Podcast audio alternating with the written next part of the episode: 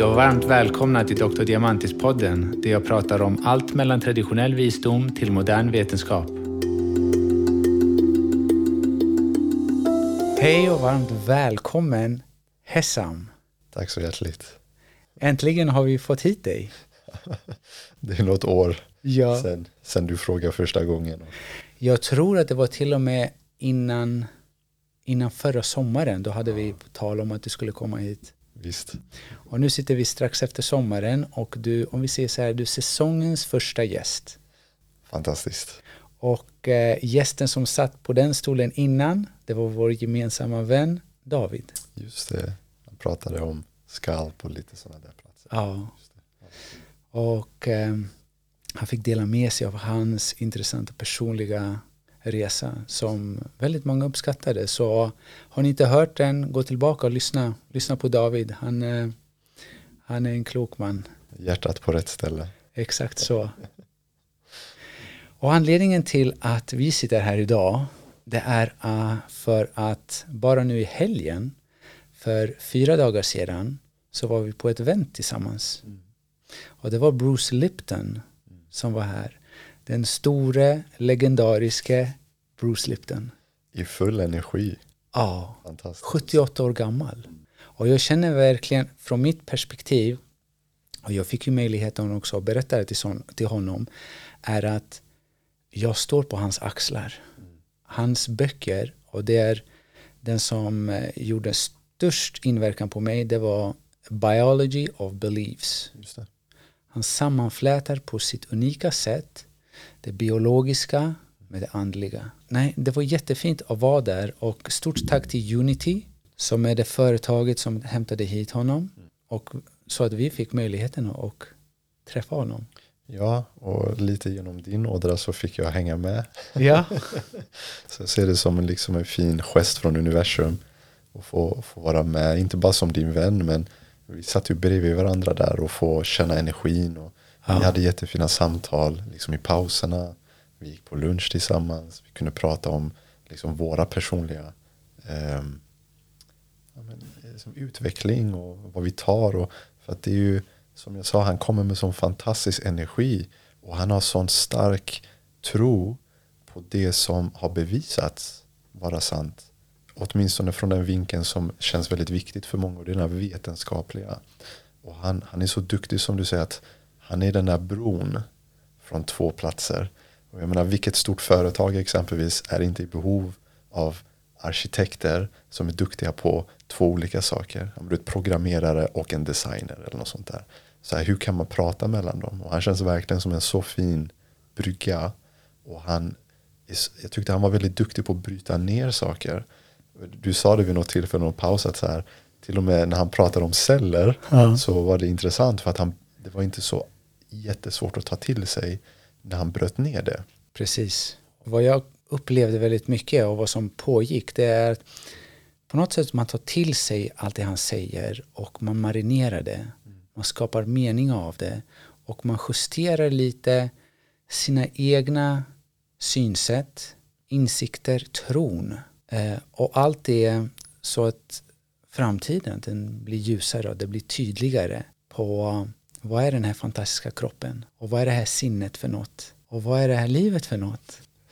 Precis, och, eh, jag tror för min egen del något som var väldigt fint var att få en tro på att det finns platser som vi inte ser med ögonen säger vi. Eller vi kan inte smaka på det eller vi kan inte ta på det. Men det påverkar oss. Ja, Och jag menar, man kan ju bryta ner det till väldigt simpla platser och säga skulle jag jobba med en eh, på en byggarbetsplats varje dag där det är hög volym och det liksom, da, da, da, da, da, da, liksom håller på och hamrar i väggar och allt möjligt. Jag blir påverkad i slutet av dagen. Eller, eller, eller jobbar jag som en, eh, jag vet inte, i, i någon naturpark liksom och går runt och krattar lite löv och hör fåglar och sådär. Hur är jag i slutet av dagen då? precis. De här två platserna är ju två olika miljöer. Så det är alltså miljön påverkar ju oss. Ja, Och jag tror att det, det är en sanning som alla kan förstå i sig själva. Men sen att bryta ner det och förstå vår kraft i hur vi kan skapa den där yttre miljön. Som sen skapar en fin inre miljö. Ja, Och tvärtom. Man precis. kan, man kan börja från vilket håll man vill egentligen. Ja. Från ut eller utifrån in. Det jag tyckte om, det var när han bröt ner det. För, han, för er som inte känner till Bruce Lipton, han är biolog och han har doktorerat och han är professor Ja. i grunden. Och han redan på slutet på 60-talet, redan, jag tror det var 1969, började han eh, förstå sig på de epigenetiska, epigenetiska mekanismerna som påverkar den biologin och våra gener. Vilket betyder hur den yttre mil- miljön, men framförallt hur vi tolkar. Det är hur vi tolkar den yttre miljön som gör den stora skillnaden. Så hur jag ser det som är att vi har ju fem stycken sinnen. Smak, lukt, känsel, hörsel och så. Och vi får in information från alla de fem sinnena. Och så har vi ett sinne, the mind. Och beroende på vårt sinnestillstånd så kommer vi tolka de yttre omständigheterna på olika sätt. Exakt. Antingen till vår fördel eller till vår nackdel.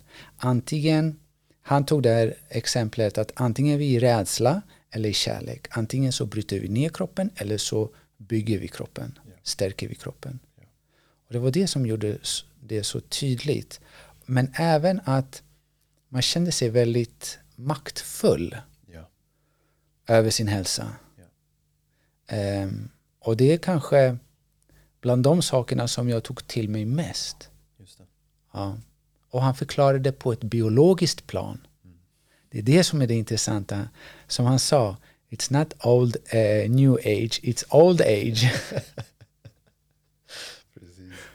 Jag tänkte på det på vägen hit. Vad, vad, vad tog jag med mig för att sitta där två dagar och lyssna? Och såklart det är, jag har en tro att man tar till sig det som är viktigt. Och sen om man har glömt någonting som faktiskt var viktigt så kommer det tillbaka i en annan liksom form och skep. Men att vad är det egentligen att förstå att vi har all makt över vår verklighet? Det är ansvar. Att våga ta ansvar. Det var som bröts ner till mig. Och det är läskigt att ta ansvar. För vad, vad betyder det att ta ansvar? Och då kommer jag lite in på det här att ja, men det kanske betyder att jag måste släppa vissa saker. Det kanske måste förändras vissa platser i mig själv. Jag kanske måste, det är ingen annan som kommer göra det för mig. Och han pratar ju mycket om det där och eh, att, att vad har vi för tro? Va, till vem ger vi vår kraft? Till vem ber vi att så här, snälla hjälp mig? Istället för att vända oss inåt och säga jag måste börja här inne och veta att jag kan hjälpa mig själv. Sen såklart, när man bygger ett hus, det finns flera aspekter av det. Man kan behöva hjälp av flera duktiga. Det är inte det att man ska göra det själv själv. Man måste börja från själv och förstå att livet innehåller ansvar.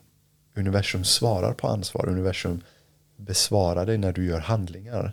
Och det är den som jag tar med mig att vad kan jag göra för att jag har en tanke om hur jag vill leva säger vi. Och det är inte alla dagar jag träffar rätt. Men att vara ärlig och ta ansvar för när jag inte träffar på de platserna som jag vet innerst inne inte leder till det livet jag vill leva. Och det verkligen var så här en litet frö jag tog med mig. Jättefint. Ja, och jag säger inte att det är en muskel som jag kan liksom anamma varje dag. Men Ja. Nu, nu, jag ser den på ett annat sätt. Intentionen finns. Intentionen finns. Ja, och jättefint att du började just med ordet ansvar. Just hur jag ser ansvar och hur otroligt avgörande den delen är i ens egna personliga resa. Om jag får prata från egen erfarenhet, ansvar innebär att inte peka finger. Vilket också innebär att allt det som har hänt mig, som har skapat vissa tron om mig, behöver jag nu ta ansvar över. Jag kan inte projicera längre. Så jag behöver nu bära. Och, och i mitt fall, eh, jag har berättat lite, eh, kanske i delar gällande min resa. När man kommer in till ansvar, det känns initiellt så känns det en tyngd och nästan att man blir krossad av den känslan. Men jag tror att det är en nödvändighet för att i det lidandet så mötte jag i alla fall, jag mötte alla de känslorna som jag inte kunde möta då. Och för att överkomma ett trauma, eftersom det är det vi egentligen pratar om, det är trauma och dysfunktionell uppväxt som skapar vissa stagnerade känslor och misstolkningar om oss själva genom uppväxten, vilket i sin tur kommer påverka vårt beteende. Och det är de här otryckta platserna i mig som väcks till liv och ansvar för mig till en punkt där jag behöver konfrontera, min hjärna behöver konfrontera allt det känslomässiga. Det för mig är första steget som en konsekvens av ansvar. Jag är lite nyfiken på att höra mer för vi satt ju där på första dagen. Du fick ju en och en halv timme att prata liksom genom din ådra. Du sa det där igen till Bruce när du stod på stenen att liksom det här är, det här är på, på inspiration från det han pratar om och liksom det du har tagit till dig för många år sedan och så vidare. Men någonting som fångade mig som din vän var att du kom från det här i din presentation att det var, ditt hjärta var där, du pratade om din barndom, du pratade om hur du hade växt upp och hur det hade format vissa liksom, självtron eller bild om dig. Och det som jag tyckte var väldigt vackert var i slutet på det så knöt du ihop det så fint för du kom tillbaks liksom till det här som du är så duktig på där, kinesisk medicin, att se helhet och allting som du har liksom pluggat till men också lever. Men du hade en väldigt fin bild som var så här powerpointens liksom the best way to see it liksom. Men det var väldigt tydligt att längst ner så stod det på engelska self-image. Och sen så gick det liksom, och jag tror högst upp så var det symptom. Alltså att man, äh, säg sjukdom då eller att, att det var. Ja, symptom och sen diagnos. Just det. Kan inte du berätta mer? Jag tror att det kan vara fint för de som lyssnar också. Och för mig att få det en gång till.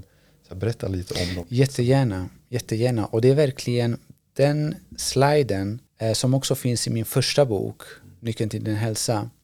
Det är verkligen destillerat ner all min kunskap, insikter eh, och erfarenhet i en presentation, i en bild. Den är inte helt komplett eftersom det hade blivit lite mer komplicerat om jag la till mer. Men generellt så är egentligen av en personlig resa som jag kommit fram till till just det här att det bottnar i en självbild som egentligen baserar sig på misstolkningar. Många kommer, inklusive jag och många som kommer till mig när man är väldigt sjuk eftersom jag var sängliggande för fyra och ett halvt år sedan.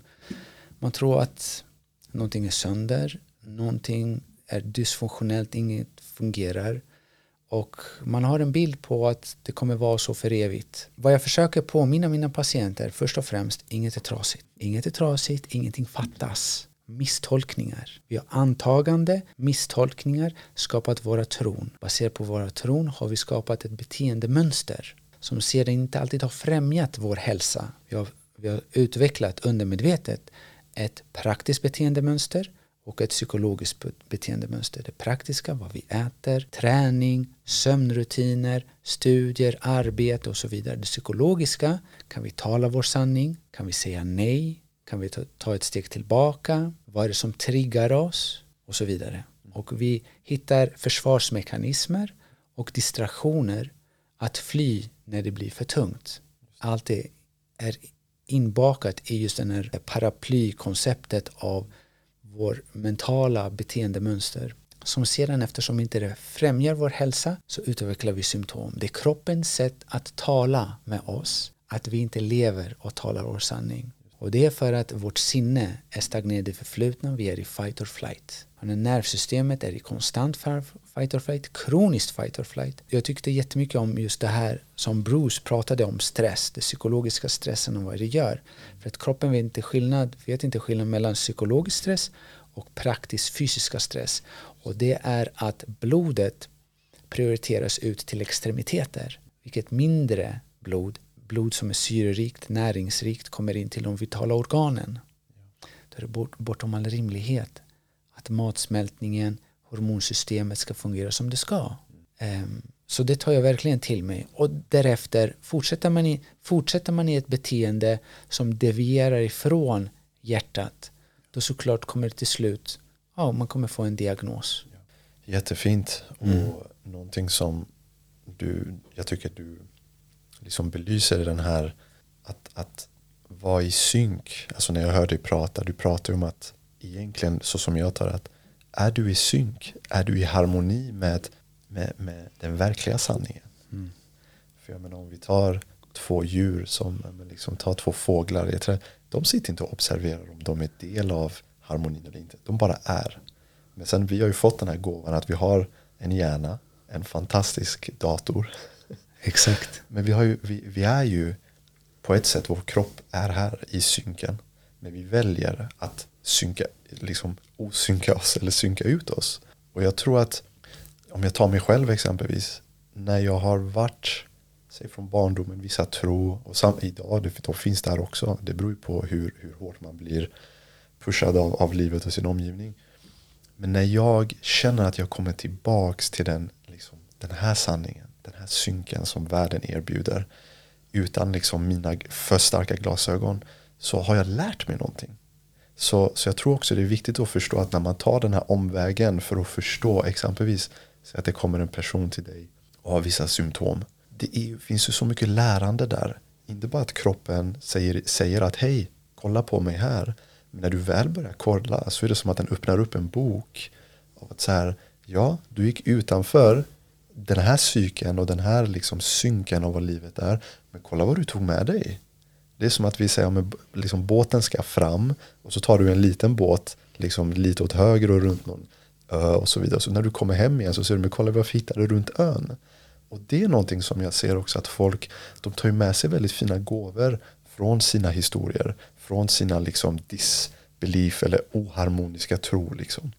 Och där tycker jag verkligen att du står som en sån person, som du säger, du var sängliggandes. Och Tänk dig då som basketspelare som du var och den mentaliteten man har som idrottare. Och också den pressen som kom hemifrån. Och helt plötsligt kunde du inte komma upp i sängen. Ja, det var verkligen, det var kanske de tuffaste ja, men månaderna i mitt liv. Just, just också att se sin höggravida fru ligga bredvid och eh, även få känslan och tron att jag kommer bara förtvivna iväg och dö. Jag kommer inte se min dotter växa upp. Men eh, så som det engelska ordspråket eh, The wisdom of rock bottom mm. Det är när du är längst nere i, i, i ditt mörkaste mörker Det är någonting som sker där nere Och den här, det här skiftet Det har ingenting att göra med en personlig agenda Det har inte att göra med att oh, jag vill förbättra mig själv i form av vissa personliga kvaliteter eller eh, växa i någon form av eh, företag. Man blir, först och främst man blir otroligt ödmjuk. Och man blir tacksam. Otroligt tacksam. För det, för det minsta lilla. Från att, inte, från att bli andfådd från att gå ner från nedre botten upp till, till, till köket till att göra det. Och till, wow! Och han var så tacksam. Han var tacksam för att klara av en dag utan att behöva lägga sig ner och känna att ja, men man led på grund av att man var så trött. Eh, så man blir otroligt tacksam och ödmjuk för de här platserna och, och därefter ja, men ens perspektiv förändras till saker och ting. Och det är klart att det sker ju inte per automatik. Man behöver ju också bestämma sig. Ja, man behöver bestämma sig med att jag ska göra banne mig allt jag kan.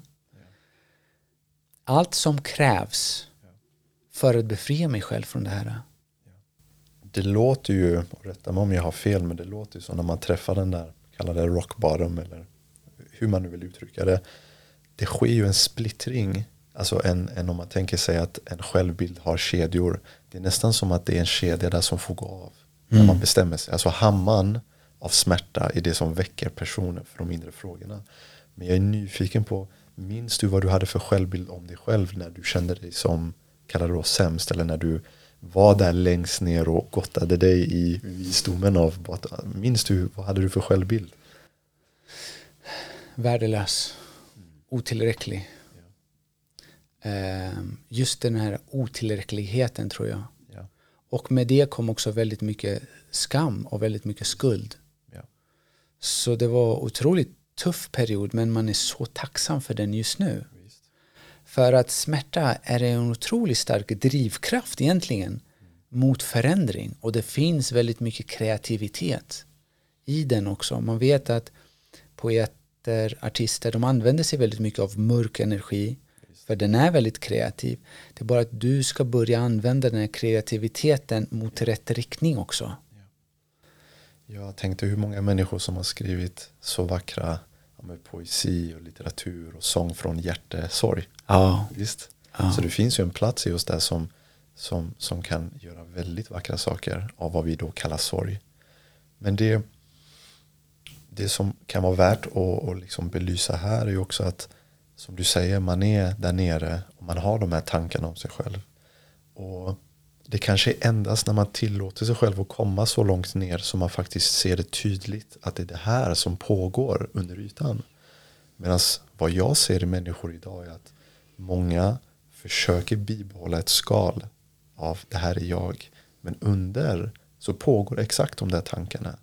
Så vi säger innan du bröts ner till den där absolut, innan ska man säga, universum hjälpte dig att komma ner med hissen dit.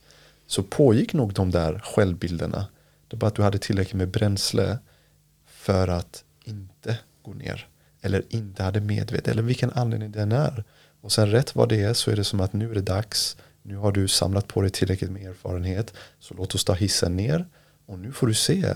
Det, nu är det bara det här du har. Och vad gör du av det här? Och det är där jag tror det här återigen ansvar, lite som du pekar på.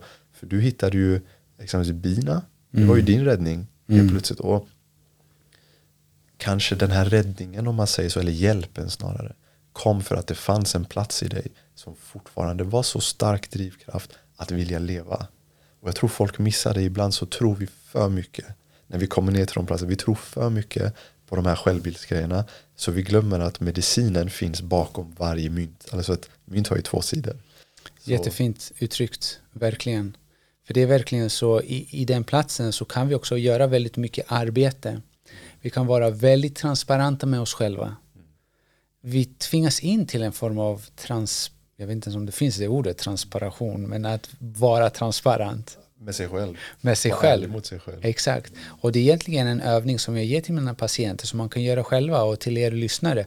Om du skriver ner på ett papper, verkligen vad tror du och tänker och känner om dig egentligen? För att veta vad har du att göra med? Vad har du för utgångspunkt? Om jag vill gå från A till B, då måste jag veta vart A är någonstans. Vart börjar jag ifrån? Och sen därefter så finns det olika tillvägagångssätt. Eh, en som jag brukar rekommendera är, okej, okay, ta den här listan med dina tron om dig själv och försök hitta någon i din innersta cirkel som du verkligen är nära med och du har djupt förtroende för presentera dem och se ifall deras bild stämmer överens med din bild. Och snälla försök hitta en person för jag försäkrar dig om att du inte kommer göra det. Visst. Ja. Visst. Men så är det fallet att det spelar ingen roll om hela världen älskar oss om inte vi älskar oss själva. Ja. Och det är där tror jag att eh, en del, när man är i sin egna inre resa det är på något sätt dit man egentligen destinationen är. Det är till ditt hjärta. Absolut. Ja. Absolut. Det är den där eviga man hör öppna upp vilken spirituell bok som helst eller lyssna på vilken alla på sitt sätt säger att hello, open your heart please, öppna Exakt. hjärtat. Ja. Och vi, vi, vi går runt så många människor och tror att det inte är så. Det är nästan som att vi vill testa om teorin håller. Ja. Men till slut så kommer alla in i samma formel. Så är det. Öppna hjärtat, uppskatta dig själv, Även om det är så, så, så litet. Och det är väl det för att liksom komma tillbaka till Bruce ord. Och liksom även det du lyfter upp att vi har den kapaciteten fastän vi inte just nu känner oss i harmoni med oss själva så kan vi skapa. Och det är den här epigenetics. Precis. Det är det som, som du sa på scenen, att du tyckte om det ordet så mycket för att det har med grekiska epi. Och, och för, förklara gärna lite epigenetics, vad, vad innebär? Så epi kommer kommer ju från, från grekiska och betyder ovanför. Och gen, genetics är generna, så det som är ovanför generna. Så fram tills Bruce forskade om det här och förstod, förstod sig på mekanikerna redan på slutet av 60 början på 70-talet. Sen dröjde han, sa det, jag tror det var 20 år om inte mera, tills att ja, men forskningsvärlden verkligen anammade det här och förstod sig på det här. Så det är inte generna som bestämmer vår hälsa. Men det är miljön som kommer göra att, specifika gener kommer uttrycka sig. Ja. Och vi alla har gener med, ja, med väldigt dålig historik, har någonting dåligt att säga om oss och någonting som, har väldigt, gener som säger väldigt bra om oss. Eh, det, för det är så ofta man hör om en min mor och farmor hade den här genen eller mormor hade den här genen och därför blev de sjuka och dog av det här och därav kommer jag också. Men nu är forskningen otroligt tydlig med att det har inte att göra med generna men det har att göra med miljön som gör att de specifika generna uttrycker sig. Vilket har att vi, vi ärver inte bara gener, vi ärver också beteendemönster och vi ärver många tron som Bruce kallade för programmeringar. Så vilka programmeringar har vi ärvt? Och det är just den här indoktrineringen in till specifika tron baserad på religion, på kultur, på ja, samhället och så vidare. Det är det som har format oss in till fram tills idag, tills, tills jag bestämmer mig att jag ska programmera om mig själv. Ja. Och jag kan tänka mig att om man lyssnar på det här eller man lyssnar på Bruce och sådär att man temporärt kan känna sig väldigt motiverad. Och sen eh, kanske man sätter sig ner och så tänker man från vilket håll ska jag börja. Och så helt plötsligt känner man efter en vecka man gjort det, men det har inte blivit någon förändring. Och jag tror att det är att jag skulle vilja skicka ut det meddelandet att tålamod och disciplin är det som skapar frihet oftast. Och att våga gå tillbaks till samma, våga hamra, våga hamra. För en dag så, så lossnar det. Och det, det, är inget, det är inte ett big bang. Utan det är snarare en lägsta volym eller lägsta nivå som höjs sakta men säkert. Rätt vad det så kommer man på sig själv att wow, det var väldigt länge sedan jag pratade med mig själv på ett visst sätt. Och det, och det är liksom som att man helt plötsligt går in på ICA och ville alltid köpa choklad och helt plötsligt så har du inte behov av att balansera upp dig själv med socker säger vi. Eller no, vad det nu kan vara då. Så att det är att förbise the big bang utan verkligen se livet, det här maraton som man säger. Att det, det måste vara på det ofta. Och fake it till you make it. Jag tror han uttryck, uttryckte ja. sig sådär någon också. Jag, tycker, jag är så glad att just du tar upp den här, vad kan vi förvänta oss? För det är egentligen, om jag börjar från, om låt oss säga en dålig självbild, där jag kritiserar och dömer mig själv, till och med om det är självhat, det är bortom all rimlighet att jag hamnar på en plats av universell självkärlek från en dag till en annan. Det är ju också en distans från A till B. Och trots att jag intellektuellt förstår allt det här, för vad jag ser med min erfarenhet med mina patienter är att många är skarpa, många förstår det här. Många kan även uttrycka sig verbalt och de har lärt sig i retoriken. Men det är den här praktiska som man försöker, eller tror man kan förbise på något vis. Och jag ser ofta att också att man jobbar runt kärnproblematiken. Om man går på yoga, om man gör andningsövningar och meditation och man äter på ett specifikt sätt och man är klädd på ett specifikt sätt och allt det här är väldigt bra. Det skapar en form av övergripande harmoni och man kan kalibrera nervsystemet. Men när jag tänker på att man tar nu och vässar sin skalpell och verkligen går till kärnan av din inre konflikt. Det är där vi verkligen börjar prata om, okej okay, nu kan saker och ting förändras. Och det är den här att komma in till de här verkligen djupaste tron, min självbild. Ja. Det låter i mina öron som du pratar om att vad känner du alltså som en individ är ditt hjälpmedel som universum erbjuder för att komma åt roten? Eller ibland som jag brukar säga att om man tänker sig ett berg och sen så när det regnar så samlas det jättefint vatten högst upp och det är kristallklart vatten. Men någonstans på vägen ner så, så har det dött något djur eller det ligger något där som gör att allt under därifrån eller liksom efter är på något sätt eh, inte drickbart vatten men vi dricker det ändå eh, och vi glömmer att det finns kristallklart liksom högst upp. Men det jag tror att många gör då, att, och, och, det är inget fel med det, det är också en lärdom att, att ta det liksom sakta, sakta till källan. Men jag tror ibland som du säger att man, jag kan känna igen mig i alla fall, att man gör så mycket, men de där grejerna man gör man har inte gett sig chansen att komma upp och kolla med hur högt upp eller hur långt in sitter den här lilla disharmonin. Vart är det som det här kristallklara vattnet har ändrat liksom från drickbart, läkande, ja men du vet sparkling, alla de där vackra grejerna. Och det är den jag tror att man måste också, vissa, vissa har det i oss att vi måste testa många olika grejer tills vi hittar något, wow, det här hjälper. Men sen här kommer det som jag tror att folk fastnar i när du känner intuitivt i din mage att det inte hjälper längre, våga byt. Se, se vad som finns fler grejer. För det är Guds sätt att säga att nu har du klarat nivå ett, låt oss se vad som finns på nivå två. Ja. För det är så pass lätt att man jobbar på samma spår igen och igen och igen och igen med förväntningen att uppleva den kanske honeymoon honeymoon-effekten av att börja meditera eller börja göra andningsövningar. För det är någonting nytt, någonting händer, sinnet känner inte till det här. Du får effekten eftersom du inte vet vad du ska förvänta dig. Och sedan efter ett tag så jag kan inte meditera längre, jag får inte samma effekt och man börjar jaga en upplevelse. Än att komma till insikt att, att okej, okay, antingen att jag behöver förändra mitt förhållningssätt till vad jag gör, vilket betyder att inte jaga en upplevelse, eller byta och prova någonting annat. Och jag tror såklart att exempelvis yoga, meditation, det finns vissa sanningar som gör att ta ashtanga yoga, du gör samma rutin varje dag, varje liksom klockslag. Det är fantastiskt, det ger en en stabilitet. Och om man känner att man vill ha kvar det som en gång gav en liksom, eh, lite headstart och lite läkning, håll kvar det, men våga testa nytt också. Det betyder inte att man är osann mot det som tog en fram till den här insikten att man kanske behövde kolla på sina rutiner.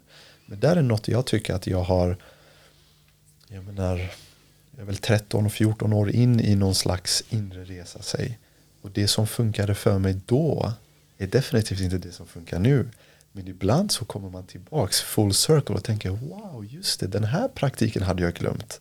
Så att, att våga vara lite, vad ska man säga, flexibel. Ja. Och, och, och det där jag tror det handlar om att lyssna in. Som många pratar om, lyssna in. Och jag tror att det är också ett sätt att säga, lyssna på ditt hjärta, lyssna på magkänslan. Och jag tror att när vi gör det mer och mer, då belyser vi automatiskt de här självbilds, de här självtron som inte är i harmoni med livets harmoni. Det kommer ja. nästan automatiskt. Så att det finns ju ett sätt såklart man kan gräva och jaga så kallade det negativa i oss. Men om man känner sig vilsen och säger men jag, jag testar att öppna mitt hjärta, jag testar att vara ärlig mot mig själv, i alla fall i min resa, bara att följa den vägen belyser alla de här andra platserna. Precis. Så den metaforen, vad jag ser framför mig är just när man verkligen börjar öppna sitt hjärta, man gör det från ett högre medvetande. Det sker en form av expansion. I den här expansionen så finns det utrymme att inkludera. Att inkludera, att integrera.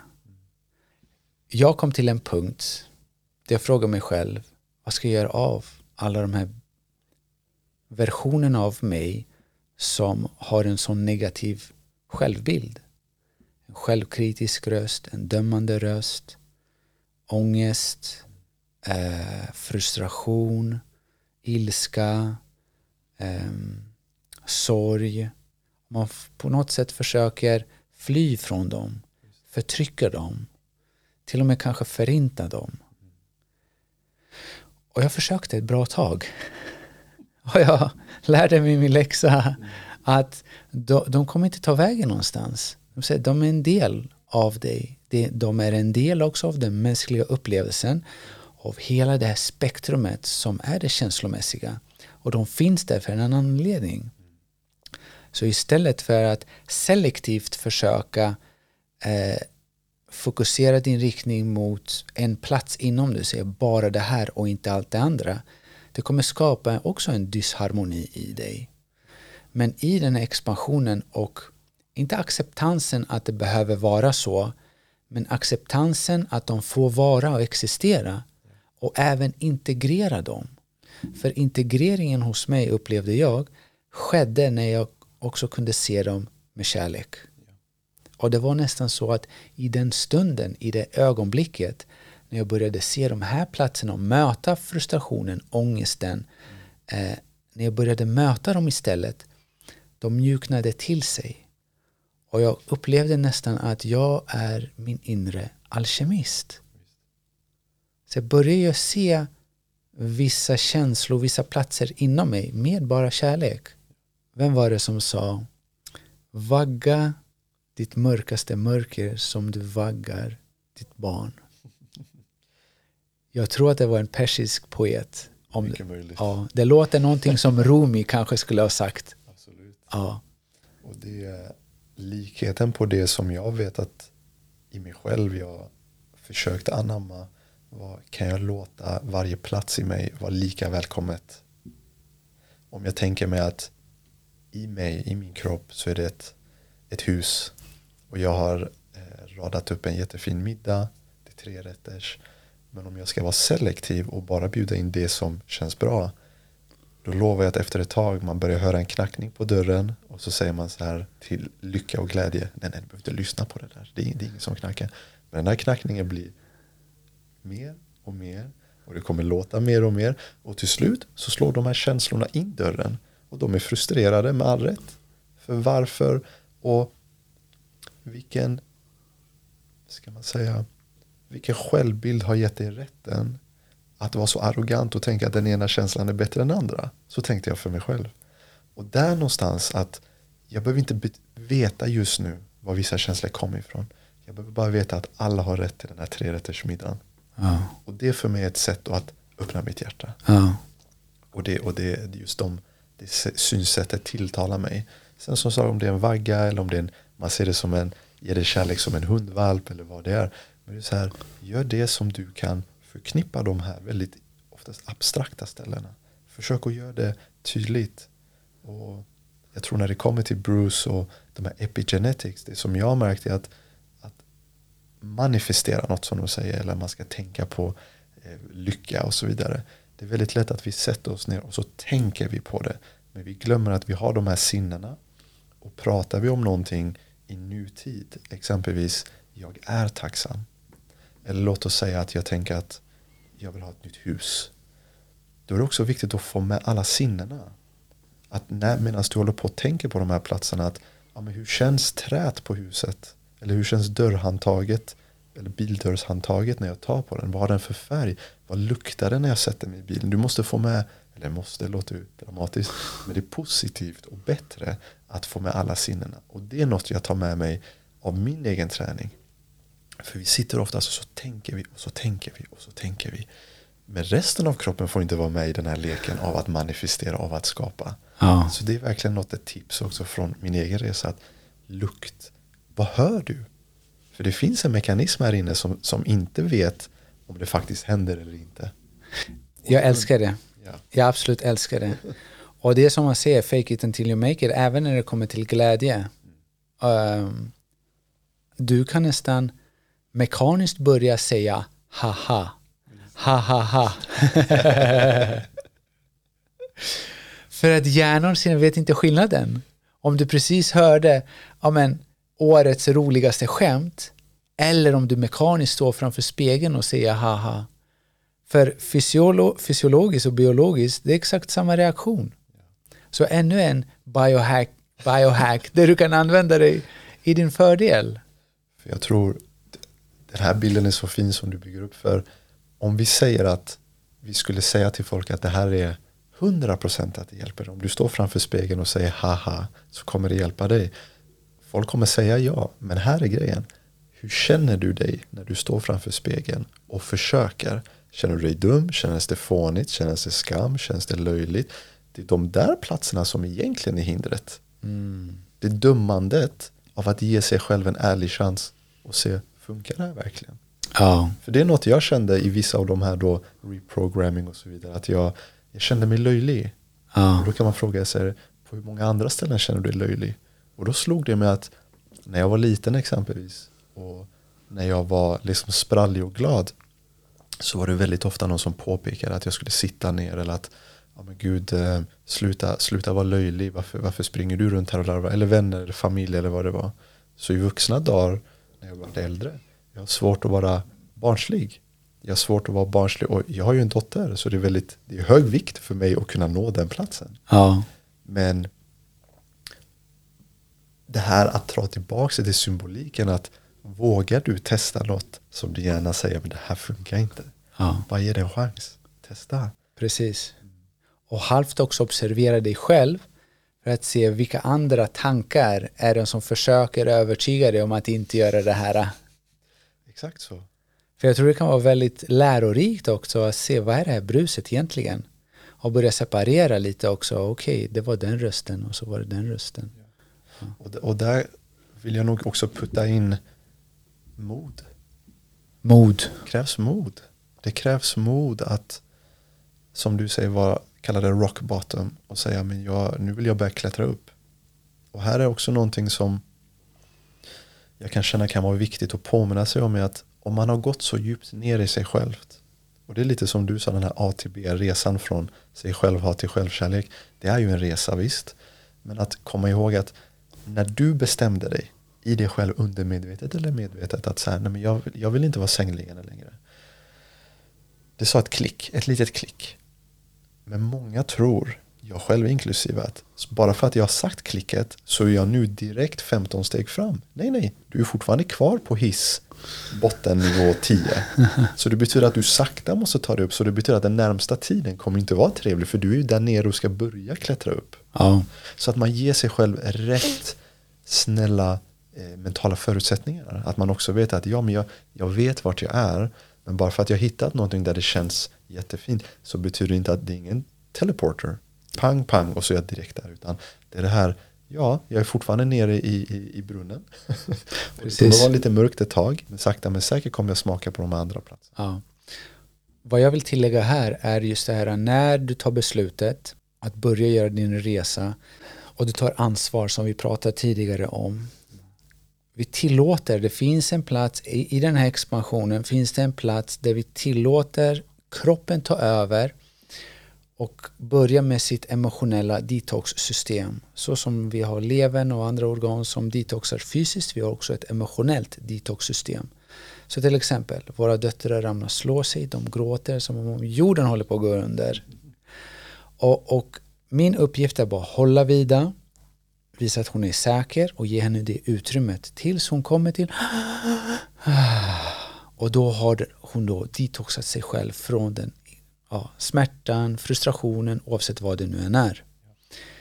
Förvänta dig också att det kan bli väldigt likartat för oss. Jag inklusive och många som kommer hit och börjat med det här säger jag gråter dag ut och dag in och jag vet inte varför. Jag säger det där är gamla tårar. De är, det är gamla tårar som är på väg ut. Så var det med mig. Jag hade så många nej som inte jag hade uttryckt under alla de här åren. Så jag måste nog säga också att jag blev väldigt otrevlig. För att jag sa nej bara för att säga nej, för att jag hade så många. Men någonstans i att säga nej började jag också bevisa för mig själv att jag är egen. Jag började visa att du kan inte driva med mig, du kan inte köra runt med mig hur som helst. Därav, och med varje nej så kom det också en form av styrka. Att jag har rätt att säga nej. Jag kan säga nej. Och någonstans att man inte heller är rädd för konsekvenserna för det. För det kan bli konsekvenser och det kan bli många konsekvenser när man är sin resa i sin egen resa, definitivt. Och mycket kan upplevas, mycket som inte kunde upplevas då och hanteras kan börja upplevas. Men till alla som är rädda att gräva och upptäcka något man har inom sig. Jag kan försäkra att det finns en visdom inom dig som förser dig med kapaciteten att kunna hantera allt du kommer uppleva. Vad jag menar är att kärleken och ljuset i dig är oändligt mycket starkare än mörkret. Fantastiskt sagt. Och återigen, var modig. Ta ansvar. Förstå på så många olika sätt du bara kan i det här livet att du har det där ljuset. Ja. För när du får den där facklan, det det behövs inte mycket ljus för att tända upp ett helt mörkt rum. Eller en hel mörk grotta eller en hel mörk stad eller hur man nu vill uttrycka Och jag vill komma tillbaka till det när du säger nej. Och, alltså att våga säga nej exempelvis. Det är ett fantastiskt fint sätt också för dig när du sa de här nej. Det var egentligen, vad är det du gör? Du programmerar ju om dig själv. Och du säger ju till universum, om vi tar bort alla karaktärer som fick ett nej. och kanske vissa accepterade det, vissa fick sin process av det. Men vad du egentligen gör är att du har tagit ett beslut. Du har kommit till en viss insikt i dig själv att nu pratar jag till universum och visar vad mina gränser är. Medan när man var yngre eller hur det, vilken ålder den var så fick jag inte möjligheten att prata till universum på det sättet. Jag fick bara ta emot. Och för att, för att runda, runda av det här med vitamin och nej. Och, eh, jag vet att du har ju ditt fina, liksom, eh, dina kosttillskott. Men jag, jag kollade på en video för någon månad sedan. Då var det en man där, en jättefin man som sa Först och främst så behöver du vitamin N. Och då, jag vet att intervjuarna frågade what you mean. Och då sa han vitamin no. Att säga nej, det är en vitamin. Och liksom det är så här, hur tar vi fram det där? Det är mod. Det är våga. Och varje gång du säger nej och det är ju som du säger till universum att jag vill bestämma var mina gränser går. Jag vill bestämma. I wanna dictate my life. Mm. Och det där är ju ansvar. Mm. Du, när du säger nej så säger du egentligen att jag vill ta ansvar. Mm. För nu vet jag vad som känns bra för mig. Mm. Så, Jättefint. Vad som poppade upp hos mig var, jag vet inte varför, men Kung Fu Panda poppade upp hos mig. Han gick, om inte ni har sett Kung Fu Panda, snälla se den för det finns så mycket daoistisk visdom i Shifu. Shifu på kinesiska betyder eh, master. Och Shifu var ju då sköldpaddan. Mastern som alltid var lugn oavsett omständigheter. Det fanns en visdom hos, hos honom. Och så får man följa resan eh, av den pandan då till att han blir den mäktiga från att vara ja, oavsett. Men vad jag brukar säga är become the master of your own life. The creator, the ma- manifestator. och det, det återigen, du och jag sitter här, kollar varandra i ögonen, vi har det här fina samtalet. Och det finns så många sätt som sagt. Det här är ju bara ett, om man nu ska kalla det, eller bara och bara. Men att leta, det är inget fel att leta. Det är inget fel att förstå att ah, men det här funkar inte för mig. Mm. Testa något nytt. Mm. Testa något nytt. Jag menar, vem som är som lyssnar på det här som kanske tränat något instrument eller tränat ja, men, vad som helst börjar bli ny. Hur många gånger gör man då inte rätt om man nu ska säga så? Man gör så många kallade fel Ja. innan man träffar rätt. Ja. Och till slut helt plötsligt så har man laddat ner någon form av det här är ramen som jag känner mig bekväm att utgå ifrån. Och tar det då i musik, ja men då lät det harmoniskt. Så vad händer om du tillåter dig själv också göra fel i din så kallade läkningsresa? Till slut så kommer det låta harmoni i dig. Jättefint. Exakt så. Och jag tror att när man kommer till en form av förbättring så finns det en tendens att um, man hamnar i några gamla beteenden, man blir lite lat, vilket är en del av det hela. Och vissa symptom kanske kommer tillbaka. Många tror att jag har förstört något, att allting har gått förgäves, men att istället se det att, ah, vilken fantastisk lärdom Påminnelse. påminnelse. Och vi alla har någon form av symptom som är en gåva av Moder Jord och av den heliga Fadern. Och det är din barometer. Den kommer säga till dig ifall du sköter dig och du är på din väg mot ett högre jag, mot att, mot att leva ett liv i dess fulla potential eller att du, har, nu, du distraherar dig eller att du inte du går tillbaka till ett ett beteendemönster som inte främjar din hälsa. Och det kan vara en mage som krånglar, det kan vara en, en menstruationscykel som krånglar, det kan vara ett hudexem så som hos mig. Och jag har fått den exakt i mitt ansikte För att se det. För att se det. Kan inte undkomma det. Och det är verkligen så här, jag måste sköta mig. Jag kan inte hålla på och eh, vara uppe för, för sent, stressa för mycket, äta fel och så vidare. Och eh, jag tycker om hur du uttrycker det här för att vi, i och med att vi är, vi är ju alla unika. Vi är här på jorden, vi delar liksom den här platsen tillsammans med vår historia och hur vi är. Det är så unikt. Och om jag tar oss två exempelvis, det som gjorde då att vi kunde känna igen varandra, att vi båda fick lärdomar från borrelia, från Mm. fästingbett. Vad hade den att lära oss? Och om, om jag går tillbaka till mig själv, jag menar, vi pratar ju ofta om det, men vad är de första signalerna från min kropp att app, app, app, har du varit disciplinerad här? Eller har du varit snäll mot dig själv här? Alltså första signalen, vad, vad, vad säger din kropp? Vad säger din kropp när du börjar? Och vad säger din kropp när du ignorerar den första signalen? Vad händer då? Och det där är det som jag tror att folk förbiser den platsen och ser den som endast negativ. Men det här är verkligen ett sätt för dig, som man brukar säga, lär känna din kropp. För vad vackert det är om du börjar lära känna din kropp i att hur mår jag om jag äter de här grejerna? Hur mår jag om jag inte går och lägger mig vid den här tiden? Och börjar känna in, så i alla fall från mitt perspektiv och min sanning, så kan du sen eh, gå vidare till lite mer komplicerade saker. Hur känns det om jag skulle ta det här jobbet? Hur känns det om jag skulle separera från den här personen? Hur känns det om jag skulle ha ett barn med den här personen? Du kan ta dig an mer komplexa saker men du måste börja med de här kallade då lättare sakerna. Exempelvis vad händer om jag äter en Snickers? Det är inget fel att äta en Snickers. Det, finns jättefina saker med det också i form av så här wow vad gott det är va? Men vad händer i mig? Så att, så att verkligen lyssna in som du säger för mig. Jag hade astma när jag var yngre. Så många saker lägger sig på mitt bröst ganska snabbt. Mm. Som jag känner att jag inte kan andas lika fritt. Och så, ja, det är någonting som inte är i synk här. Just det. Och då, ett, ett ska man säga, botemedel för mig oftast är paus. Ja. bara stanna upp, paus. Vad har jag gjort senaste dagarna? Hur har, jag, hur har min miljö varit? Och sen inte för att vara så här nitisk och plocka, undan, plocka bort varenda liten bit. Men bara lite kontemplera, pausa lite. Lyssna och vara ärlig. Var ärlig. Ja, precis. Jättefint, var ärlig. Men nu säger Maria, ja, Hessam och Diamantis, jag har fyra barn. Och jag är en hund. Och jag har jobb och så måste jag handla och laga mat. För att de frågorna får jag också väldigt ofta.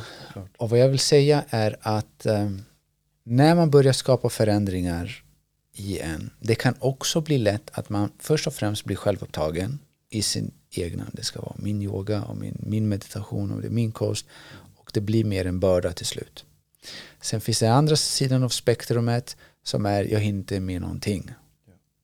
Och vi kan definitivt hitta en miljon anledningar till varför vi inte ska börja vår inre resa. Men inga av de här anledningarna kommer då främja din hälsa. Varken fysiska, mentala eller andliga hälsa. Men oftast brukar det också vara en försvarsmekanism. Så, så det är en, en värdig anledning till att inte börja. För att det är en försvarsmekanism till att inte gå in och börja känna efter. Och man behöver inte om man göra stora förändringar. Man kan börja med väldigt små saker. Du behöver inte till och med med alla sötsaker. Börja med den lättaste förändringen i din praktiska innan du börjar gå in. Och ibland så kan det vara så jag skickar hem folk härifrån och så säger jag jag vill att du städar din garderob. Börja med garderoben. Hur kan vi förvänta oss att jag ska börja ta tag i de här djupaste, jobbigaste platserna när min yttre miljö, hemmet, är helt i kaos, upp och ner. Så det, det, kan du också börja med. Börja med väldigt enkla saker. Och jag, eh, jag vill följa upp på det där. För det är ett jättefint exempel. Det är lätt för oss att sitta här och jag menar, vi har ett barn var, du och jag. Vi har våra fruar så vi får väldigt mycket hjälp och det finns, finns tid för oss själva. Men för den personen som av någon anledning känner att de inte har tid. Och det, det finns de som har fyra barn och en hund som känner att de har tid. Va? Och så finns det de som inte har några barn som känner att de inte har tid. Så det är också en belief. Så här, hur mycket tid kan jag ge? Men en respekt till det också att exempelvis en av de tuffaste närvaroträningarna jag har det är att sitta och kolla på när min tvååring leker. Det är en av de tuffaste jag kan tycka ibland är att sitta där och leka fantasi. Och varför kan jag tycka att det är tufft? För att jag kanske inte fick leka fantasi. Så jag har inte den där, det här programmet i mig säger vi. Men tänk då om du skulle spendera en halvtimme och bara vara supernärvarande med ditt barn. Du behöver inte göra så mycket annat i form av att väcka din inre kärlek än så den dagen.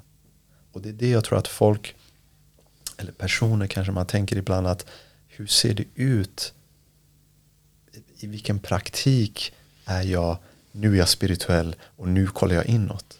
Jag skulle verkligen vilja hävda att det finns så många saker vi kan göra som i det där vardagliga, exempel som det, rensa garderoben. Ut med gammal energi. Mm. Du har någon klänning som du hade eller någon tröja du hade som du fick av ditt ex för massa år sedan. Den energin kanske inte behöver vara kvar. Mm. Bort med den. Töm, töm din ryggsäck. Eller exempelvis då att ta en promenad med sina barn. Jag kan gå tillbaka till mig själv igen.